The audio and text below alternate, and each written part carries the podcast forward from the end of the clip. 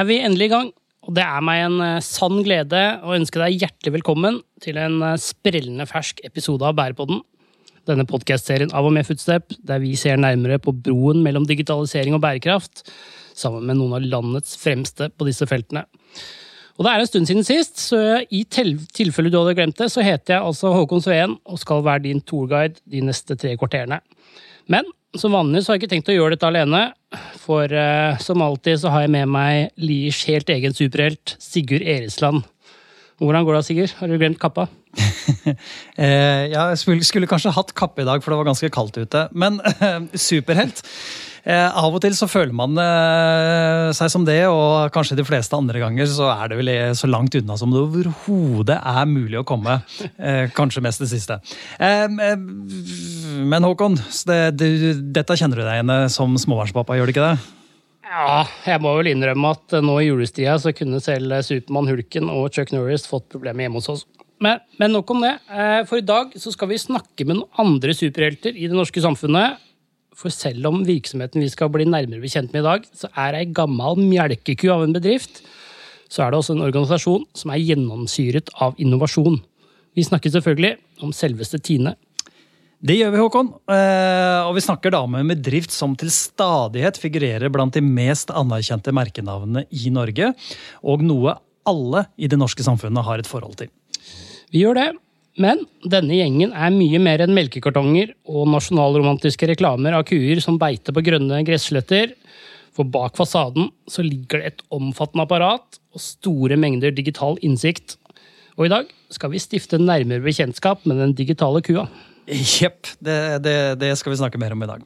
Eh, for med oss i studio så har vi en sånn relativt fersk IT-direktør, eh, nemlig Petter Tveøy. Og Petter, det er en mann som er lett å like.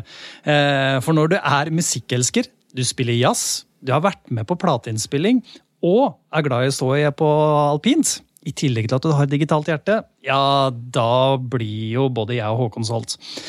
Um, alt dette og mye mer skal vi få høre mer om straks. Men aller først, her kommer endelig litt mer food facts. Hei, Ingrid Hilde fra Foodstep her. Visste du at nesten én av tre mennesker i verden ikke hadde tilgang til sikker, næringsrik eller nok mat til 2021? For selv om de fleste av oss er så heldige at vi har rikelig tilgang til mat, så er det dessverre altfor mange mennesker i verden som sulter. Økende matvarepriser som følge av koronapandemien, økt ulikhet i verden, krigen i Ukraina og klimaendringene er noen av årsakene. En ting er tilgang til nok mat, men produksjon av maten og sikkerheten i forsyningene er også viktig. Gjennom pandemien og situasjonen i Ukraina har vi fått erfare på nært hold viktigheten av lokal matproduksjon og beredskap, og vi har kjent på en sårbarhet. Alle disse temaene er også utgangspunkt for FNs bærekraftsmål nummer to, utrydde sult, som nettopp handler om rettferdig fordeling av godene og bærekraftig matproduksjon. Vi må sørge for at det er mat til å mette jordas befolkning også i framtiden. Dette innebærer å sikre gode arbeidsforhold for produsentene, som i stor grad er bøndene vi må ivareta dyrevelferd og bevare artsmangfold i naturen. Og så må det være økonomisk lønnsomt å produsere mat som er sunn og trygg å spise for oss forbrukere. Men hvordan kan så teknologien hjelpe oss til å nå disse målene? Delmål 2a i FNs bærekraftsmål handler om å satse mer på forskning og teknologiutvikling for å øke produksjonskapasiteten i landbruket. Og i dag skal vi få høre mer om hvordan digitalisering er med på å forbedre en av landets aller mest tradisjonsrike matprodusenter. Det er bare å glede seg. Tusen takk til eh, Inger Hilde for en klok inngang på denne episoden. Da skal vi bevege oss videre til eh, dagens hovedrett, for nå skal vi endelig slippe til hedersgjest, IT-direktør i Tine, Petter Tveøy. Og hjertelig velkommen til Bærepodden, Petter. Tusen takk for det. Aller først så har vi jo litt lyst til å bli bedre kjent med deg. Hvem er eh, Petter Tveøy? Ja, Takk eh, for spørsmålet. Det er alltid litt, eh, er alltid litt sånn spennende å skulle, skulle, svare på noe sånt. For hvor skal man begynne hen? Men jeg, jeg, tenkte jeg hadde lyst til å begynne med en liten episode som var rundt middagsbordet i, i går ettermiddag. Da hadde vi besøk av nabogutten vår. Eh, Dattera mi er elleve, og han, han, her er jo god i samme klasse, så de er jo elleve begge to. Eh, og så eh, sier han Du, Petter. Du er litt sånn som eh, Du er litt sånn som panteren, du, i Jungelboken. Så jeg eh, Jaha, eh, hva, hva, mener du med det? Jeg, Nei, du er litt sånn sånn Du er der hele tida. Litt sånn usynlig, men, men samtidig så er du der og passer på hele tida. Så forteller du alle hvordan de skal gjøre det, hvordan det skal bli riktig. Og så tenkte jeg ja, jeg er egentlig litt som panteren i Jungelboken. Så, så det er vel egentlig i korte trekk. Jeg syns det var en veldig sånn god personbeskrivelse. Jeg var litt imponert altså, rett og slett over at en elleveåring var så observant på, på hvem jeg er. Men eh, ja, eh, bortsett fra panteren i Jungelboken, da, så, så kan, vi, jo- kan vi jo legge på at jeg da er eh, 43 år. eh, født og oppvokst i Hakadal og bodd der hele livet, bortsett fra fire år i Bergen, hvor jeg tok Sivøk. På Handelshøyskolen, så er jeg en av de siste Sivøker. Ja. Øh, jobba innenfor IT hele, egentlig hele tida siden jeg kom ut av skolen. Um, har da jobba både ganske teknisk, egentlig, uh, men også vært, uh, hatt etter hvert liksom utvikla meg innenfor eh, prosjektledere, stillinger, eh, litt det man nå kaller arkitektroller, osv. Så, videre. så det er, eh, det er vel i korte trekk, det. Og så var dere jo innom eh, dere var innom jazzen, dere var innom, eh, eh, innom alpint, eh, bortoverski. Eh, samfunnsengasjert. Eh, har vært lokalpolitiker. Eh, ja, det er vel i korte trekk eh, i hvert fall sånn oppsummert. Jeg kan jo selvfølgelig ta familieforhold og alle de greiene der, men det eh, får vi ta, ta, ta litt etter hvert. Men du er først og fremst bagere, altså? Tydeligvis. Ja, det er, eh, det er vel noe det, det ligger et eller annet der, i hvert fall som, eh, som elleveåringene ser. Så Ja, vi, får, vi får håpe det er en eh, det, jeg, tar, jeg tar det som et kompliment. Ja, det, det syns jeg du skal, altså. Men i tillegg til Bagheera så er du også relativt fersk i rollen som eh, IT-direktør i Tine. En merkevare som de aller fleste i Norge kjenner til, og som på mange måter er en bauta i det norske samfunnet. Men aller først så må jeg spørre deg, for ryktene vil ha det til at du begynte i Tine fordi du er så sykt glad i ost. Stemmer det? Eh, ja, det er også riktig. Eh, eh, er klart det var andre ting som dro meg inn i Tine, men det er helt riktig at jeg er utrolig glad i ost. Eh, ja, det, det er eh, en av de store privilegiene som jeg har, eh, har hatt i Tine, egentlig. Det er at jeg har muligheten til å få lov til å reise rundt på en del av ysteriene våre. Uh, og jeg har blant annet en opplevelse fra når jeg var og besøkte Jæren, uh, hvor vi har et stort, relativt moderne meieri, uh, eller ysteri, hvor de da kom eh, i, som en sånn pauseinnslag hadde jeg nær sagt, i møtet, så kom de da med en sånn stor bakke med, med sånn femårig modna jarlsbergost. Da, da, da måtte jeg sende en snap til, til søsteren min, eh, som også er veldig glad i ost. Altså, nå har jeg kommet til ostehimmelen. Det er, eh, dette er det mest fantastiske stedet jeg har vært. Årets møte. Ja, det var virkelig årets møte. Så det er jeg veldig, veldig glad for å, å få den muligheten. Ja. Det er ikke sikkert alle har et veldig bevisst forhold til om Tine er, som er et kommersielt selskap, et statlig forvaltningsorgan eller, eller noe helt annet. Kan ikke du starte med å fortelle litt om hvem dere er og hva dere gjør? Jo, takk. Det, det skal jeg veldig gjerne gjøre. Og det er eh, Tina er eh, kanskje Jeg velger å si at det er Norges mest komplekse verdikjede. Eh, fordi vi har en veldig, veldig eh, Den er veldig lang, for det første. Den starter jo egentlig for vår del helt ute på gården hos, eh, hos melkebøndene. Eh, eh, 7500 gårdsbruk rundt om i hele landet, fra, fra nord, lengst, aller lengst nord i Finnmark og til så langt sør du kommer. Eh, Ytterst på Lindesnes. Så, så det, er en, det, er, det starter der og går gjennom hele på en måte da innhentinga, eh, selve produksjonen, eh, ut i, i lageret og ut i, ut i butikken. og treffer oss som forbrukere hver eneste dag. Men det er klart at eh, Tine har en veldig lang historikk. Eh, vi, vi, vi snakker liksom tilbake til 1860-tallet. Eh, og det er, en, er en, selvfølgelig en stolt bedrift, en stolt merkevare. Men, men også et, eh, som også er inne på, en markedsregulator. Så, så vår rolle inn mot mot det, det, som, sagt, det som vi kan kalle det statlige, da, det er jo at vi forvalter et oppdrag som vi får fra, fra Landbruksdirektoratet, som handler om å sørge for at vi har riktig balanse på melk da, i et regulert marked, sånn som vi har det i Norge. Som igjen er viktig for at, eh, for at jordbruket kan, eh, kan leve i et, eh, i et land som kanskje ikke nødvendigvis har de beste forutsetningene for å drive landbruk, med tanke på klima og, og værforhold. Vi kjenner jo alle også eh, godt til da melkekartongen, osten, yoghurten osv.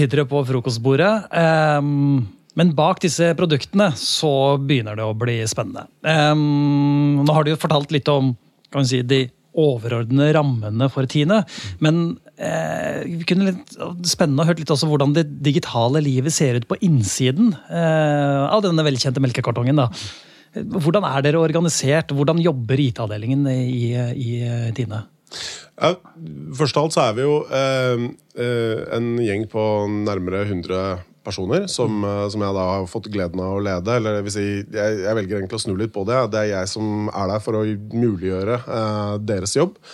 Um, og, og, og, det er klart at um, vi skal understøtte hele denne lange, komplekse verdikjeden med egentlig IT-tjenester, datainnsamling, uh, fra ja, egentlig da fra gårdstank, hvor vi på, på hvert fall en god del av gårdstankene våre har oversikt over, over volumer, så vi vet hvordan, hvordan, det ligger an med fyllingsgradene i, i, i det. Vi understøtter dette her med, med ruteplanlegging for melkeinnhenting. Eh, og så kan man jo tenke at ja, melk er melk, så det er jo bare å dra ut og hente. Det er jo ikke helt sånn. fordi eh, vi er jo selvfølgelig opptatt, ekstremt opptatt av at vi får riktig kvalitet på denne melka hele veien.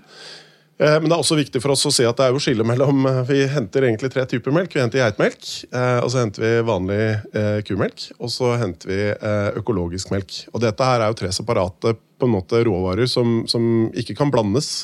Så det er jo sånn vi, vi må jo passe på det også, oppi det hele. Eh, så det å understøtte da alle disse sagt, innhentingsrutene da, eh, som vi har rundt om i hele landet, hvor vi er og besøker hvert eneste gårdsbruk eh, minimum hver tredje dag for å hente inn melk. Mm. For å sørge for at den er ferskest mulig. Så det er liksom hele veien igjennom det, og da, da jobber vi jo med å han har sagt snakke med de som, de som sitter i forretningsfunksjonene, f.eks. For knyttet til ruteplanlegging, og finne ut av hva er egentlig deres behov i forhold til mm, ruteoptimalisering. Og finne, finne, ut av hvordan kjører vi på en klokest mulig måte.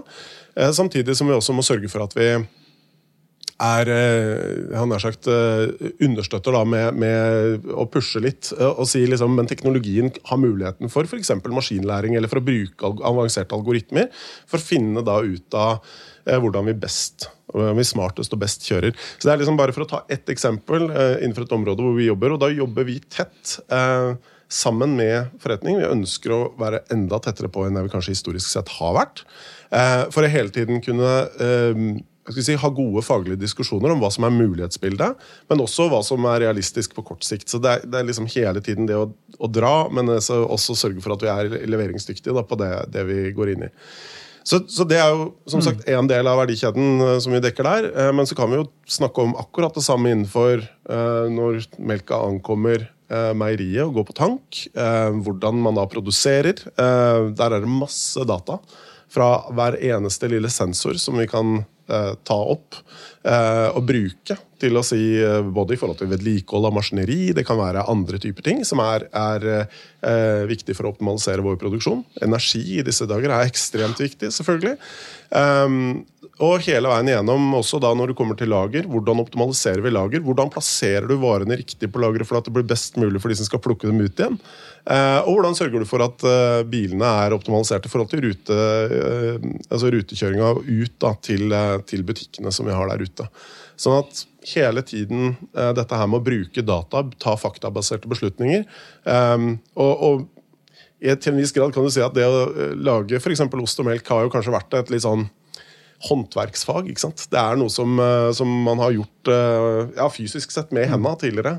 Det meste av dette er nå industrialisert. Eh, og det betyr jo også at viktigheten av å ta gode faktabaserte beslutninger, da, hvor vi går kanskje fra håndverk mer over til hva skal vi kalle det? Altså, det er mer et, et, et, et faktabasert uh, yrke, datadrevet yrke, uh, og i mye større grad, uh, eller mye mindre grad, et kunstverk kanskje enn det det var før. da. Jeg skulle si, jeg hadde kanskje ikke kunstverk, men mange ville også hevde at det er et håndverk da, i seg selv. Jo, jo, absolutt. Men, men, og, og, for all del, IT hos oss er jo, er jo definitivt et, et, et, håndverk i den sammenheng. altså mm. Det å samle inn data og jobbe med det. Men, men, det er noe med disse faktabaserte beslutningene som kanskje, der man tidligere hadde det litt i fingerspissene, mm. Eh, så er dette nå mye mer eh, maskinstyrt og, og datadrevet sammenlignet med før. da. Men det var et vanvittig spenn av oppgaver og ansvarsområder. da. Mm. Det er det. Ja. Eh, og det stiller selvfølgelig høye krav til eh, både vår forståelse for, for hele denne delen, eh, hele, hele, verdikjeden vår, men også at vi evner å å snu oss raskt. For det er klart, vi er ikke immune mot eksterne sjokk i Tine heller. Reft av energi, som vi var litt inne på. Men det kan også være knyttet til, til etterspørsel som plutselig endrer seg fra over natta, bokstavelig talt. Covid var jo et sånt eksempel. Ja. Og det er klart, det gjør at vi må hele tiden forstå hva som driver oss der ute, og klare å snu oss fort og levere raskt på de behovene som, som forretning har. Og jeg også evne å tenke kanskje enda litt lenger frem enn det vi har historisk sett klart. Eh, mm. Fordi at vi må hele tiden tenke hva kan komme rundt neste sving. Eh, hvordan skal vi eh, lage teknologi og lage løsninger, lage integrasjoner som gjør at vi kan respondere da, og, og tenke mer i retning av integrerte operasjoner. Ikke sant? Og, og, og eh, Når dere da jobber med å lage gode løsninger og tjenester for, for brukerne, eh, og i mange tilfeller så er dette da melkebønder, som du er inne på.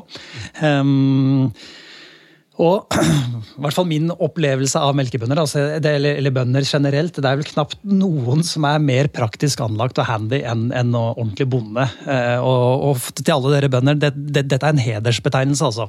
Eh, og jeg kjenner jo noen slike. Um, og Håkon, det er ikke fordi at jeg er fra Lier, altså. Men, men, men um, jeg vet jo også at de ikke har veldig lyst til å sette seg ned foran en laptop og legge inn data, og så trykke next, next, next, osv. Så, videre, og så, um, så hvordan jobber dere med å designe gode løsninger?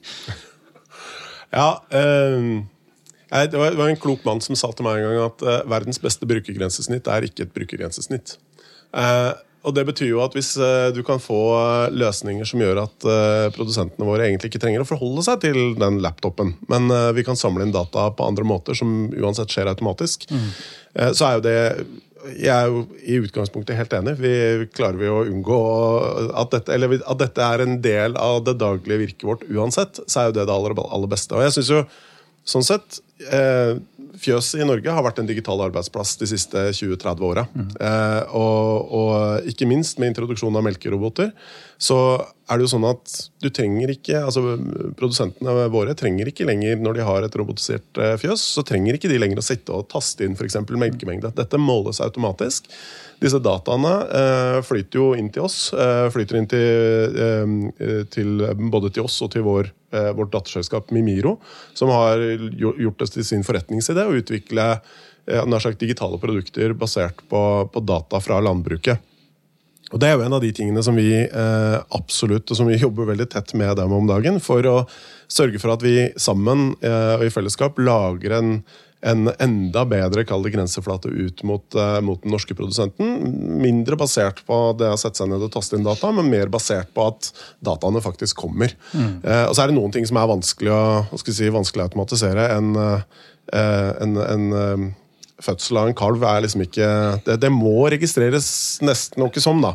Men, eh, men, det har vi jo. Eh, og det har vi jo en enorm datahistorikk på. Vi har jo helsekort han nær sagt, eh, helsekort på alle kyr i Norge over de siste 20-30 årene. Um, og, og, og, Dette brukes jo også inn i avlsprogrammet for å sørge for at vi, vi, klarer å oppnå god dyrevelferd og god dyrehelse totalt sett for, for, den, norske, for den norske kua, rett og slett. Norske mm. rødt fe. Ja, Spennende. Så det er sensorstyrt det meste det i, i landbruket også? Ja, det ja. blir mer og mer av det. Og, og, og, det er veldig mange spennende ting på gang der i forhold til å gjøre eh, gården som arbeidsplass enda mer digital. Og Da er vi jo tilbake igjen til sånne ting som, som handler om droneovervåkning eksempel, av, av uh, sagt, jordene. Uh, for å sørge for at man både sår og gjødsler uh, og vanner på riktig tid. Så best mulig utnyttelse av ressursene, også der basert på maskinlæring og algoritmer å, som, som da man, jeg tror det er liksom den veien vi, vi må se til generelt for å, for å kunne klare å, å si, brødfø, brødfø, stadig flere mennesker i, på jorda. Mm. Ja, Det tror jeg du har helt rett i. En annen side med, med, digitalisering er jo også uh, sikkerhet. Og vi vet jo det at Tine har jo noen av landets mest kjente merkevarer. Dere har også noen eh, internasjonalt kjente store merkenavner, som Jarlsbergosten, som du var så vidt inne på tidligere. Um, og dette tenker jeg at Det må jo sette noen krav til sikkerhet hos dere også? Merkevarebeskyttelse, industrispionasje osv. Mm. for å ta vare på den, den dataen? Absolutt. Og det, det, er jo en av de tingene som jeg tror kanskje hele det norske samfunnet har blitt veldig mye mer klar over de siste fem årene. Jeg tror ikke Tine er noe unntak der. Eh, Eh, jeg tror mange av oss i, i, i, Norge så har vi levd ganske beskyttet da, eh, i forhold til eh, internasjonale hendelser. Og, og, vi har liksom tenkt at ja, vi kan jo stole på hverandre, det er jo ingen som vil oss vondt. Så tror jeg liksom, De siste ja, 5-10, kanskje 15 åra så har vi skjønt at vi må nok regne med at det er ikke sånn at alle vil oss vel. Mm. Eh, og det stiller jo også krav til, til oss. Jeg tror den, det, vi kan bruke det mentale skiftet eller det paradigmeskiftet som, som uh, samfunnet er inne i, så gjenspeiles også i Tine. Uh, hvor vi har hatt en veldig åpen policy internt. At, uh, at kan, de fleste kan få se mye. Nå ser vi at nå er det mer på need to know og, og, og care to share-basis. og Det betyr jo også at vi må sikre f.eks. oppskriftene våre på, på, de, på, de, viktigste produktene og de tingene som vi anser for å være bedriftshemmeligheter, må vi sikre på en helt annen måte enn det vi har gjort før. Ja, Det er vi i ferd med å, å, å, implementere nå i, i disse dager. Mm.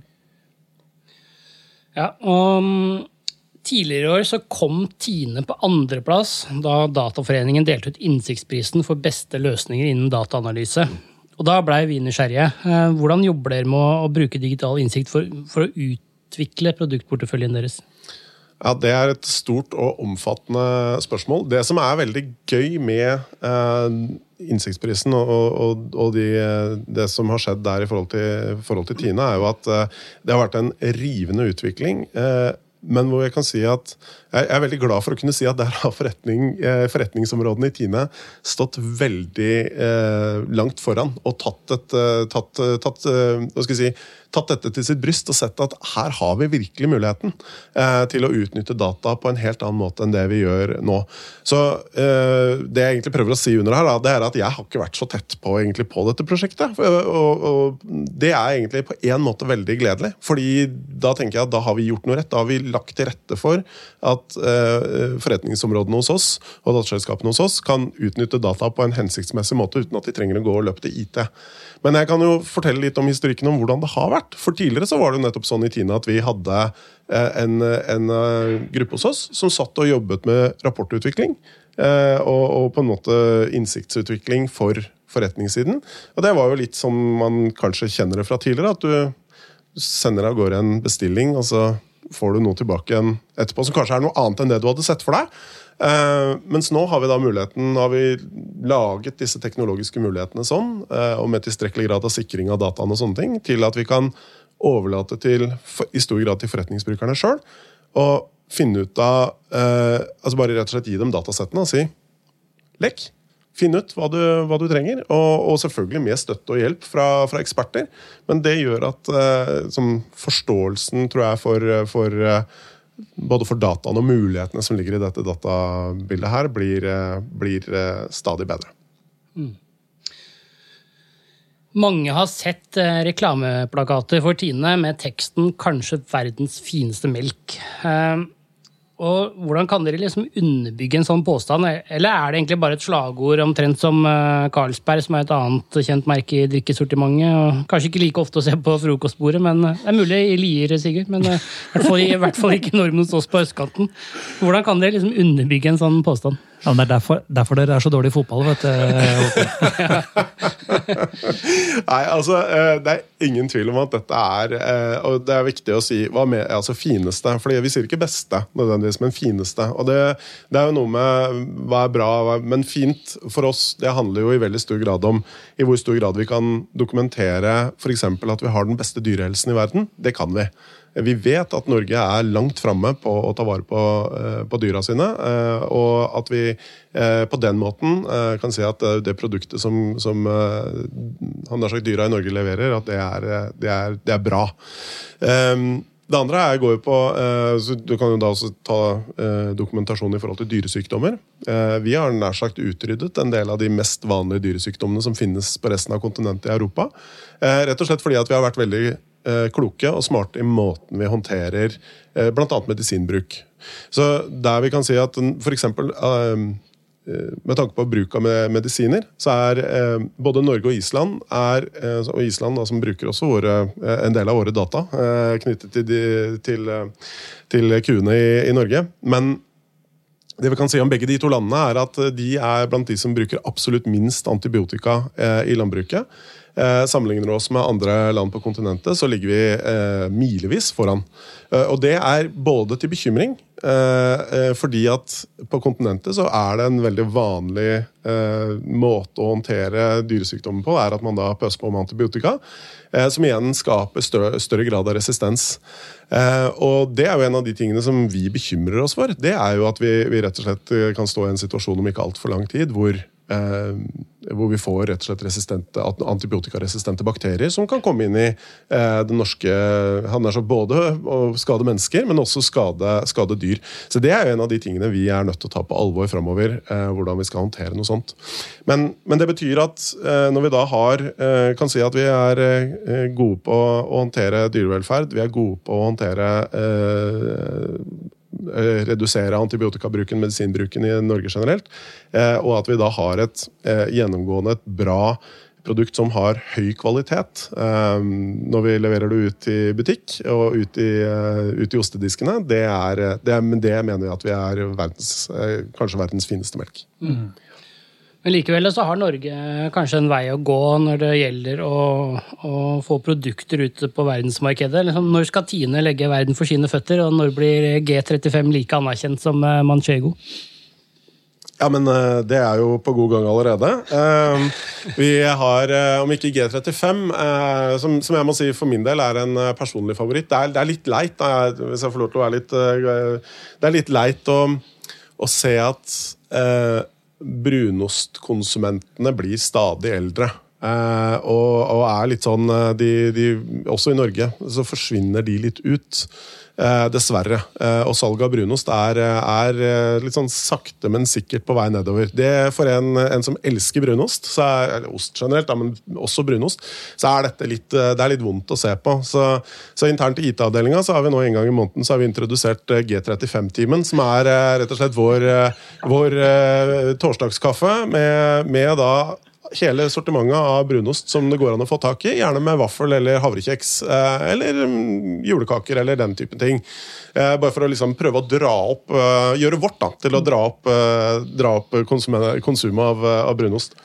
Men, men, for å gå fra litt sånn uh, det interne livet i IT til, uh, tilbake til spørsmålet, så er det jo sånn at vi eksporterer jo 25 000 tonn Jarlsberg uh, hvert år. vi er Tenk på Jarlsbergens utbredelse f.eks. i USA, da, som er vårt største marked utenfor Norge. Så, så er det sånn at vi finnes i ni av ti supermarkeder i USA. Det tror jeg ikke det er så mange som vet.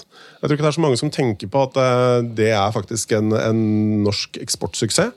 Eh, og så er det klart at eh, Nå foregår jo en god del av den produksjonen på vårt meieri i Irland, eh, som handler om eksportstøtte og, og, en del endringer politisk som har kommet gjennom de senere årene. Men, eh, men, likevel så er det jo fremdeles sånn at vi produserer en god del eh, på norsk melk, eh, også for eksport. Så, og så kan vi jo også liksom bare observere eller uh, si at det er veldig veldig spennende ting som skjer i Sørøst-Asia knyttet til brunost. Uh, og både vi og, og, noen av våre konkurrenter eksporterer nå brunost til, til Sørøst-Asia. I, uh, I, fjor så eksporterte Tine 100 tonn til Sør-Korea. og de bruker brunost på en helt annen måte enn det vi har vært vant med.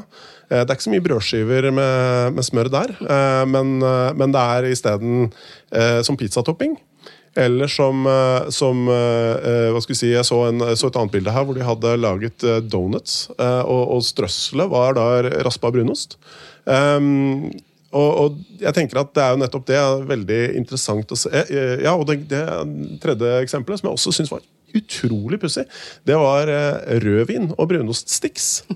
Den har jeg liksom ikke hørt uh, før. Ikke, hadde ikke vært mitt førstevalg, tror jeg, sånn personlig, men, uh, men, jeg ser poenget. det er vel kjent i Lier allerede, Sigurd? Ja, ja, ja. ja. Det er hver lørdag, da. Ikke sant? Og det er, det er noe med den der, kombinasjonene, de smakskombinasjonene som ikke kanskje ville funka helt i en norsk eller en europeisk eh, gane, men som, eh, som eh, igjen viser at det er masse muligheter der ute.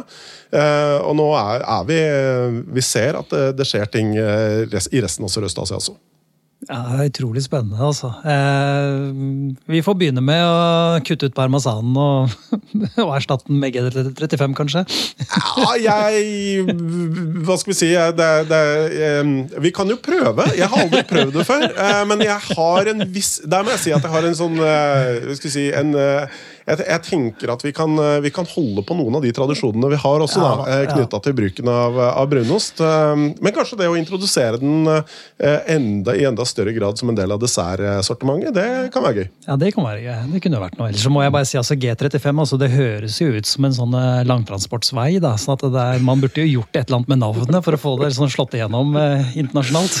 Ja, eh, jeg tror eh, på de, de pakningene som vi nå eh, har sendt av gårde til, eh, til Sørøst-Asia, så har vi, eh, har vi eh, så kaller vi det ikke G35, der kalles det brunost. eh, Eller brunostspread, som det er primen. Um, eh, Med, med, hvor vi da har vært veldig tydelig på det er den nor- norske renheten og, og friskheten og den kalde, klare lufta og, og den pene naturen. Det, det er det som, eh, som, som brandes utad. Um, Det selger, det også. det gjør det. Eh, og så er det, jo, er det jo litt sånn av praktiske hensyn det ble kalt G35. da. Eh, det er geitemelk, og det er 35% fett, så da, da vet du hva det går i. Det er eh, praktiske opplysninger du trenger når du skal ta valget når du står i butikkhylla. Ja, du veit hva du får. Ja, ja, ja. ja. Det er akkurat det. Men eh, Petter, hvordan kan det å komme fra et lite land som Norge faktisk være et konkurransefortrinn? Eh, hva kjennetegner som norske landbruksprodukter i utlandet? Ja, det er, et, eh, det, er og, det er et stort og godt spørsmål, egentlig. Um, det er klart at um, Jeg tror nok Norge og de norske forholdene um, som, som vi kjenner altså både, både det faktum at vi kan brande oss plassert på liksom, eh, vakker natur, eh, renhet. Eh, det litt sånn kalde, eh, klare langt der nord, eh, som, som gjøres litt sånn eh, Det i seg selv er en interessant sak for, for folk internasjonalt. Det andre handler jo om de på en måte naturgitte forutsetningene vi har. Eh, og, og du kan si at for eksempel, vi, er et, vi er jo et høykostland. Det betyr at vi veldig sjelden vi kunne sannsynligvis kunne konkurrere på pris, men vi kan konkurrere på kvalitet. Eh, og vi ser jo også at norske oster, som f.eks. Kraftkar eller eh, andre, også en del av Tines oster, eh, vinner jo priser eh, og er interessante, populære eh, for eh, store han har sagt, eh, eller for, for restauranter på kontinentet, både i, eh, i, i hele den vestlige verden. Så eh, jeg tenker at, at våre muligheter der, eh, og måten vi tenker rundt, eh, rundt eksport på, og måten vi bruker, både bruker det norske, bruker det at vi er et for så vidt et lite land, eh, men, men også hele tiden har et veldig veldig bevisst forhold til kvalitet.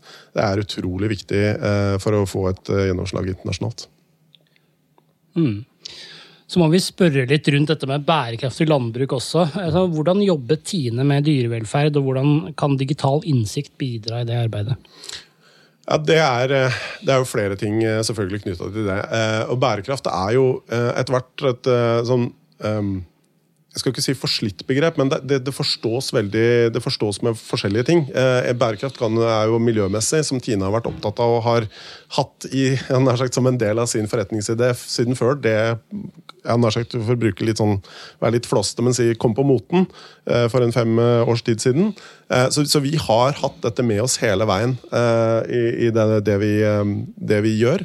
Eh, Men, men det er klart at eh, når det gjelder dyrevelferd og dyrehelse, så, så har vi for det første har vi jo da dokumenterte resultater. Men det er også sånn at Tine, siden vi er en eierstyrt og eiereid eh, organisasjon, altså, eller en produsenteid, var det jeg mente å si, produsenteid organisasjon, så er det jo også sånn at vi vi er f.eks. ute og besøker eh, gårdsbrukene våre eh, minimum én gang i året. For å på en måte gjøre en eh, avsjekk av at eh, dyra har det bra, eh, og at eh, produsenten håndterer eh, situasjonen bra. Eh, og at vi, vi hele tiden da jobber sammen med produsentene våre for også å utvikle et best mulig tilbud eh, til dem. Eh, og det, Der også er det jo dataregistreringer som, som vi får med oss eh, knytta til dyrevelferd. Og det er jo også viktig for oss å, å kunne bruke det videre. Se hva funker, Det som funker ett sted, kan også kanskje funke et annet sted. Og, og liksom bidra til å trekke erfaringer sammen fra, fra ulike produsenter hos oss. da. Og så har det jo eh, gitt oss et eh, lite innblikk i digitaliseringen hos Tine. Men, men hvis vi løfter blikket litt, da, kan, kan, du si noe om sånn generelt potensialet for digitalisering i landbruket, sånn, sånn, sånn i det store? Eh, og hvordan digital innsikt og digital fremstilte produkter kanskje eh, kan bidra til å eh, mette flere munner nå når vi blir flere på jordas eh, overflate? Ja, og Dette er jo også et kjempestort spørsmål. Eh, men hvis vi kan begynne, begynne, begynne først da med de, de gitte forutsetningene eh, om at vi, matproduksjonen foregår basert på, basert på jorda vår. Eh, og, og, det vi har av Han har sagt at vi dyrker, dyrker gress og korn og, og, sånne ting. Så er det klart, det er, her er det igjen til, Jeg var litt inne på det i stad, men det å bruke digital teknologi til å overvåke, til å så på riktig tidspunkt, til å gjødsle på riktig tidspunkt, til å eh, vanne på riktig tidspunkt, så vi bruker ressursene mest mulig effektivt. Eh, og der er det jo enorme eh, sagt, muligheter for å sette sammen datakilder. En ting er de interne, som vi har i Tine, som vi har tilgang til og som vi kan bruke. Men vi har også det å kunne Eh, koble oss på værdata eller hente inn sensordata fra uh, ulike områder, som, som, som, hjelper oss til å få, få et komplett bilde av, av, de mulighetene vi har, og, og, hvordan vi optimaliserer produksjonen der ute. Uh, så er det klart at også uh, det, Bare for å bygge litt på det spørsmålet vi hadde i stad rundt bærekraft, så er det klart at um, gjør, det gjøres masse interessant forskning nå på hvordan vi kan redusere f.eks. metangassutslipp fra landbruket gjennom uh, å tenke annerledes rundt fòring. Uh, hvor, uh, hvor, det har vært gjort en del interessante prosjekter i Norge annet knytta til rødalger. For, som Å blande rødalger inn i fôret til, til, kyr. For å rett og slett vi ser at det bidrar til å redusere metangassutslippene. Så, så, det å, igjen, det kan vi måle. Alle disse tingene er det mulig å måle og ha sensorikk knyttet til. Sånn at vi hele tiden optimaliserer og finner den riktige balansen med det som utgangspunkt. Men så er det klart at eh, det er jo masse, også masse spennende ting på gang knytta til um, jeg har sagt laboratoriedyrka både kjøtt eller eh, laboratoriefremstilt melk. altså kunstig, Om vi skal bruke ordet kunstig melk, eh, kunstig iskrem. Eh, per nå så er det relativt langt unna eh, noe som sannsynligvis vil kunne, hva skal vi si, kunne revolusjonere verden på noen som helst måte. Eh, og eh, prisen for å utvikle eller prisen for å produsere foreløpig er, er altfor alt for høy. Eh, men, men, men, det er jo et eller annet med at vi kan også tenke annerledes, tenke nytt. Eh, disse gitte forutsetningene som jeg snakket om helt innledningsvis, kan jo også utfordres. Det er jo ikke nødvendigvis sånn lenger at du må ha en åker for å dyrke salat, f.eks. Det kan skje i innendørs i store lagerbygg hvor, hvor, du optimaliserer temperatur, lys, Eh, så, så, det er noe med å tenke, tenke, hvordan vi håndterer dette annerledes framover. Men, men, er utfordringene rundt, rundt si, norsk, landbruket eh, så, så særnorske i, i, i, Norge? Eller ser dere, kan dere liksom sammenligne dere med andre land, eller kan dere liksom Samarbeider dere med, med, med kan vi si, søsterorganisasjoner av, av Tine? da? Eh, ja. Eh, dette, er ikke, dette, er ikke, et område som jeg er sånn kjempemye inn i til daglig. Eh, men, men, men det, er et, det, er jo et, landbrukssamarbeid, og det er jo ikke minst skjer det enormt mye med tanke på forskning på disse områdene. Det er jo en del større si, større digitale initiativ eh, på tvers av eh, både Europa og USA. Eh, en del EU-initiativ knyttet til såkalt Farm to Fork, eh, som er eh, rett og slett forskningsprosjekter som ser på hvordan vi kan jobbe mest mulig eh, smart med bruk av data, bruk av og, og, utnyttelse av de mulighetene som, som landbruket gir.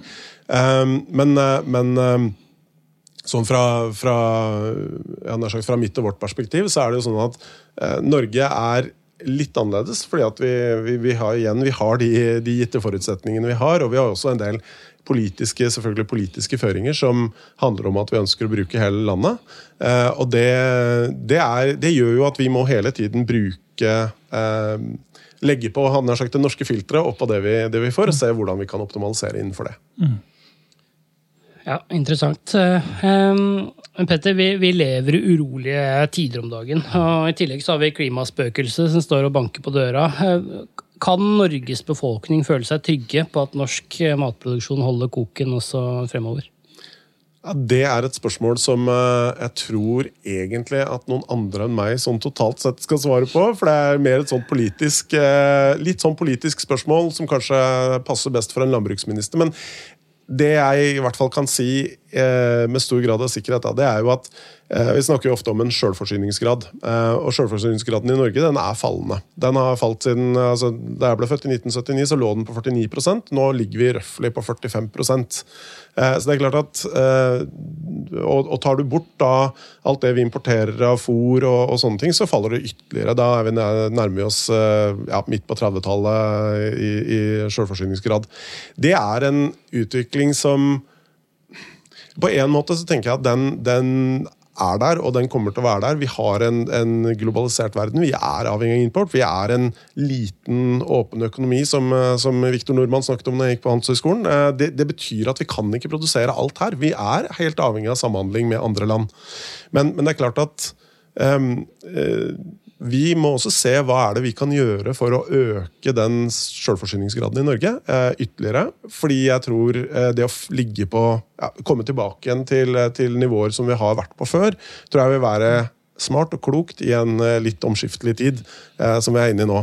Men det som kanskje er vel så interessant, da, det er jo som å snakke om selvforsyningsgraden, det er jo dekningsgraden. Altså hvor mye mat produserer vi totalt sett i Norge? Eh, og kan den maten vi produserer totalt sett i Norge, dekke den norske befolkningens behov? Hvis vi stopper all import i morgen, eh, og all eksport i morgen, vi, har vi da nok, til, nok, mat til at vi klarer å brødfø alle? Og der ligger vi ganske høyt. Der ligger vi tett opp mot 90 Men det er klart, da blir det mye fisk, da. Eh, framover, hvis det hadde skjedd. Eh, for det, det, er jo liksom forutsetningene her. At vi, vi, bruker det som både fiskeriene og landbruket kan gi til, til mat. da. Da blir det fisk og uante kombinasjoner med G35, da? Ja, det det, det, det, kunne vært det. Igjen, da, jeg er åpen for, for alle gode ideer. Så jeg tenker at eh, det må vi, måtte vi jo bare prøvd ut. Eh, men, eh, men, det er jo der noen av de mest interessante rettene har jo dukka opp når, når nøden, er som størst. Så, så, sånn er det. Kanskje, ja. kanskje vi, må, vi, må, vi, må, forske litt på dette her. Vi må forske på det. Ja. Tida flyr i lystelag, Petter, og vi har kommet til dagens siste spørsmål. Og det er det samme til alle våre gjester. Hvilke miljøer, virksomheter eller personer vil du trekke frem som spesielt gode på det å bruke digital smartness eh, til å skape et mer bærekraftig samfunn? Hvem, hvem, ønsker du å gi en bukett med virtuelle blomster? Ja, det der måtte jeg tenke skikkelig lenge og nøye og, og, og omfattende på. Det, det, spørsmålet der eh, det, det, Du kan vel avsløre såpass mye at jeg har fått noen av spørsmålene på forhånd. og Da er jo, det er jo noe med å få tenkt gjennom litt. Hvem, hvem, i alle dager er det vi skal trekke frem, trekke frem der? Men jeg, jeg, jeg, må si Det er kanskje litt uoriginalt, men, men allikevel um, Den smartnessen, hvis jeg får lov til å gi noe tilbake i tid, da, litt sånn historiske virtuelle blomster tilbake i tid, så må jeg si at de uh, norske bøndene som satte seg ned og fant ut at vet du hva, vi skal lage Tine og vi skal sørge for å samle inn alle disse dataene. Eh, og, og igjen, vi snakker tilbake til en tid før, før PC-er og mobiltelefoner var allmannseie. Men så fant vi ut nei, vi, vi, setter oss ned og så skriver vi når uh, alt vi gir av medisiner, det, eh, det skriver vi opp på ulike kort, og så sender vi det inn til husdyrkontrollen.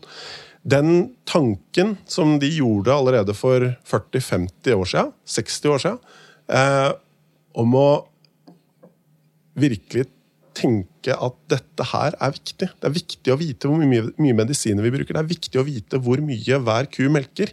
Det er viktig å vite å bruke dette her i statistiske formål. Eh, at de var så forutseende og la de premissene til grunn for så mange år siden. Det tenker jeg at, eh, Da kan du snakke om digital smartness, men, men det var en smartness eh, som jeg, når, jeg, når, jeg, tenker på det, så blir jeg litt sånn at både litt uh, ydmyk, litt rørt og litt stolt over å få lov til å være en del av, av den historien. Og være med på å ta det som, som da de gjorde for, uh, for, for, alle de åra tilbake igjen. Og få lov til å være med og bidra med mitt til å, uh, å, å overlate hadde nær sagt, dette her, de, disse dataene til, en, til nye generasjoner med IT-ledere som, som, kommer inn i tiende tvert. Ja, Det blir litt av en arv du skal dra videre? Absolutt. Eh, og igjen eh, med, med, en stor grad av ydmykhet og, og respekt for, for, alt det som har vært gjort uh, før. Altså Samtidig som vi kan ikke stoppe utviklingen. Vi må hele tiden tenke nytt og tenke annerledes. Og, men samtidig ha den grunnplanken om hva er det vi, er, det vi er, til for, og, og hvem er det vi egentlig betjener her. Ja, dagens eh, blomsterbukett går altså til norske bønder i predigital tid. Post! Post det, det var det vi eh, hadde for denne gang. Vi har hørt IT-direktør i Tine, Petter Tveøy, fortelle om samfunnssituasjonen Tine, og hvordan de jobber med alt fra digital utvikling til bærekraftig matproduksjon. Det har vært 45 lærerike minutter, som vi håper at du som Bærepodden-lytter har satt pris på. Og kanskje har det også fått flere til å åpne øynene for hvordan digital innsikt kan bidra i bransjer man ikke umiddelbart forbinder med digitalisering. Tusen takk til deg, Petter. Bærepodden er snart tilbake med nye spennende gjester og aktuelle temaer. Til da, ta vare på hverandre og ha en nydelig dag videre.